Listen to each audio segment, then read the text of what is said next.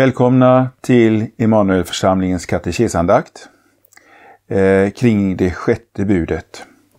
Vi inleder med att under bön begrunda Psaltarpsalmen 119, verserna 9 till 16 i Faderns och Sonens och den heliga Andes namn.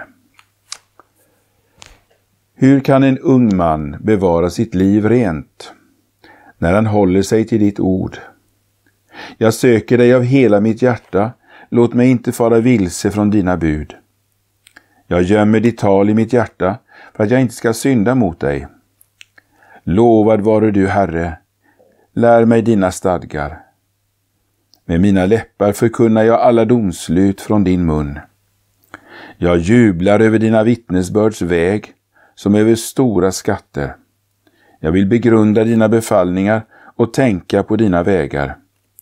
Jag har min glädje i dina stadgar. Jag glömmer inte ditt ord. Ära vare Fadern och Sonen och den helige Ande, så som det var av begynnelsen, nu är och skall vara, från evighet till evighet. Amen. Ja, sjätte budet. Hur lyder det? Du ska inte begå äktenskapsbrott. Och hur lyder nu förklaringen till det. Vi ska frukta och älska Gud så att vi lever rent och värdigt i ord och gärning och att man och hustru älskar och ärar varandra. På den andra stentavlan som Moses fick för att läsa och ge vidare åt folket stod det budet på hebreiska Lotineaf du bryter inte äktenskapet eller du kommer inte att bryta äktenskapet eller du ska inte bryta äktenskapet. Det vill säga, om du vill hålla förbundet så får du inte och du vill inte bryta eller bryta sönder äktenskapet. I Guds skapelseordning hör äktenskapet till de helt grundläggande fundamenten för det mänskliga samlivet på jorden. Gud skapade oss människor till man respektive kvinna, ja till dessa två kön, varken mer eller mindre. Människan skapas till det ena eller till det andra, inte till något som kan bytas. Till denna grundläggande ordning hör också äktenskapet, att en man lever tillsammans med en kvinna i ett livslångt trohetsförhållande. Redan före syndafallet så hör vi Herren säga, därför ska en man lämna sin far och sin mor och hålla sig till sin hustru och de två ska bli ett kött. Med de orden instiftar Gud äktenskapet för mannens och kvinnans förtroliga gemenskap och för släktets fortlevnad genom barn. Det, denna äktenskapets heliga institution målar också det nära förhållandet mellan Gud och hans folk, deras förtroliga gemenskap. Det som också skymtar i ordet från Paulus. Ni män, älska era hustrur så som Kristus har älskat församlingen. Ja, Kristus och hans brud är ett tema som går genom hela Bibeln ända fram till det himmelska bröllopet som tecknas i Uppenbarelsebokens tre sista kapitel. Detta betyder att det sjätte budet har en dubbel funktion. Budet handlar både om att Gud förbjuder oss att bryta äktenskapets ordningar och han förbjuder det andliga äktenskapsbrottet, det vill säga att vi bryter dopförbundet. För vi döptes för att tillhöra Kristus, vi som hans brud och han som vår brudgum. Det är värt att lägga märke till att Jesus gjorde sitt första under vid ett bröllop, det som han gjorde i Kana genom att göra en stor mängd vatten till utsökt vin. Hans närvaro inte bara helgade just de makarnas bröllop där i Kana, utan alla rätta äktenskap. Han ville äktenskapet och välsignade det. Dessutom visade han genom sitt under där att han är mäktig att göra allting nytt i varje tynande äktenskap, bara han blir inbjuden. På vilka tre avgörande sätt bryter man äktenskapet eller begår äktenskapsbrott? Ja, dels genom att bryta sönder det äktenskap man lever i och dels genom att bryta sig in i äktenskapets ordningar och sexuella samliv innan man är gift och dels att bryta sig in i en annans äktenskap. När Adam och Eva hade fallit i synd så skedde omedelbart något i deras förhållande. Deras förtroliga vänskap kallnade. Mannen började anklaga Eva.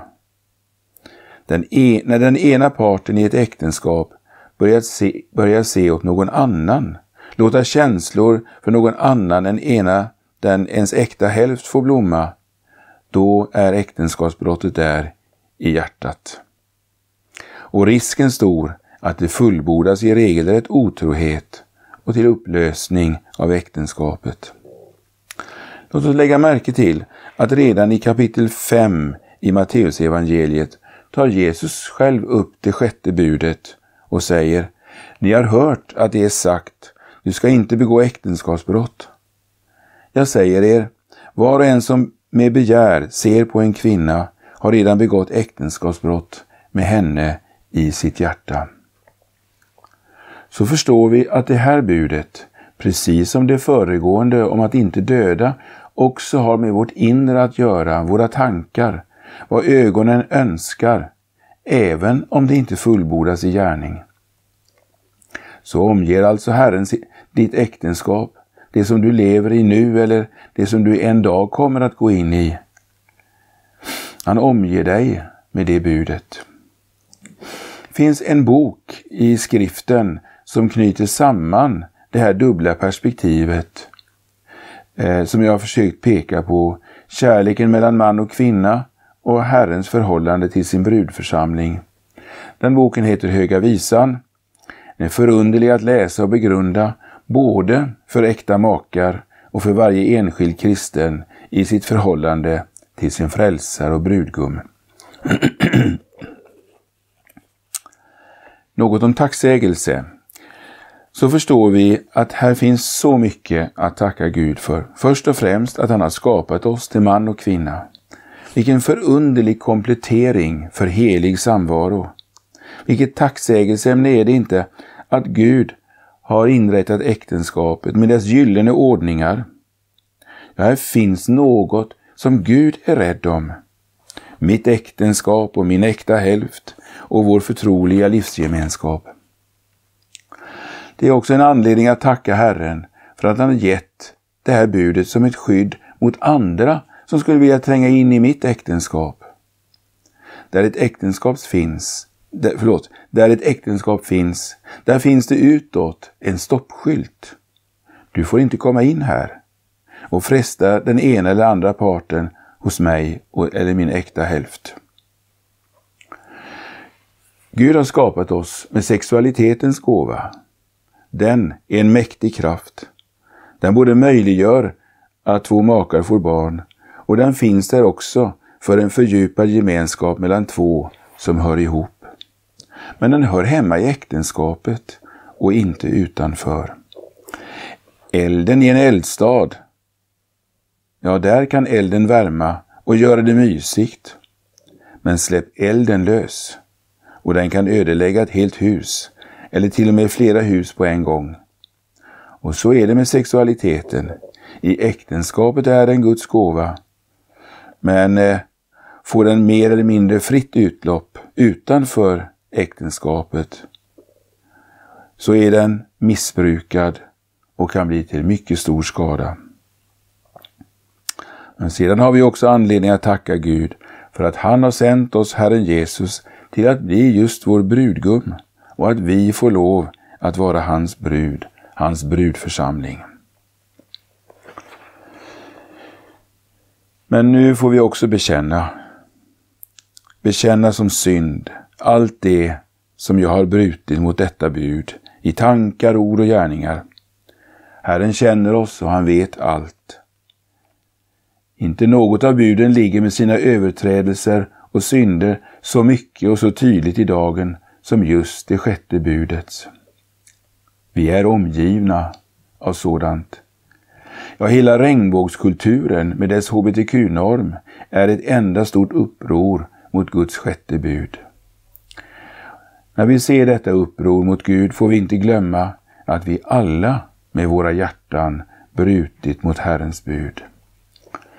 Jesaja bekände en gång när han stod inför Herren i templet. Ve mig, jag förgås. Jag har orena läppar och jag bor ibland ett folk som har orena läppar. Så måste jag bekänna att äktenskapsbrott och otukt tränger sig som en mörk kraft ur mitt hjärta och att jag bor ibland ett otuktigt folk. Och Guds vrede vilar över det.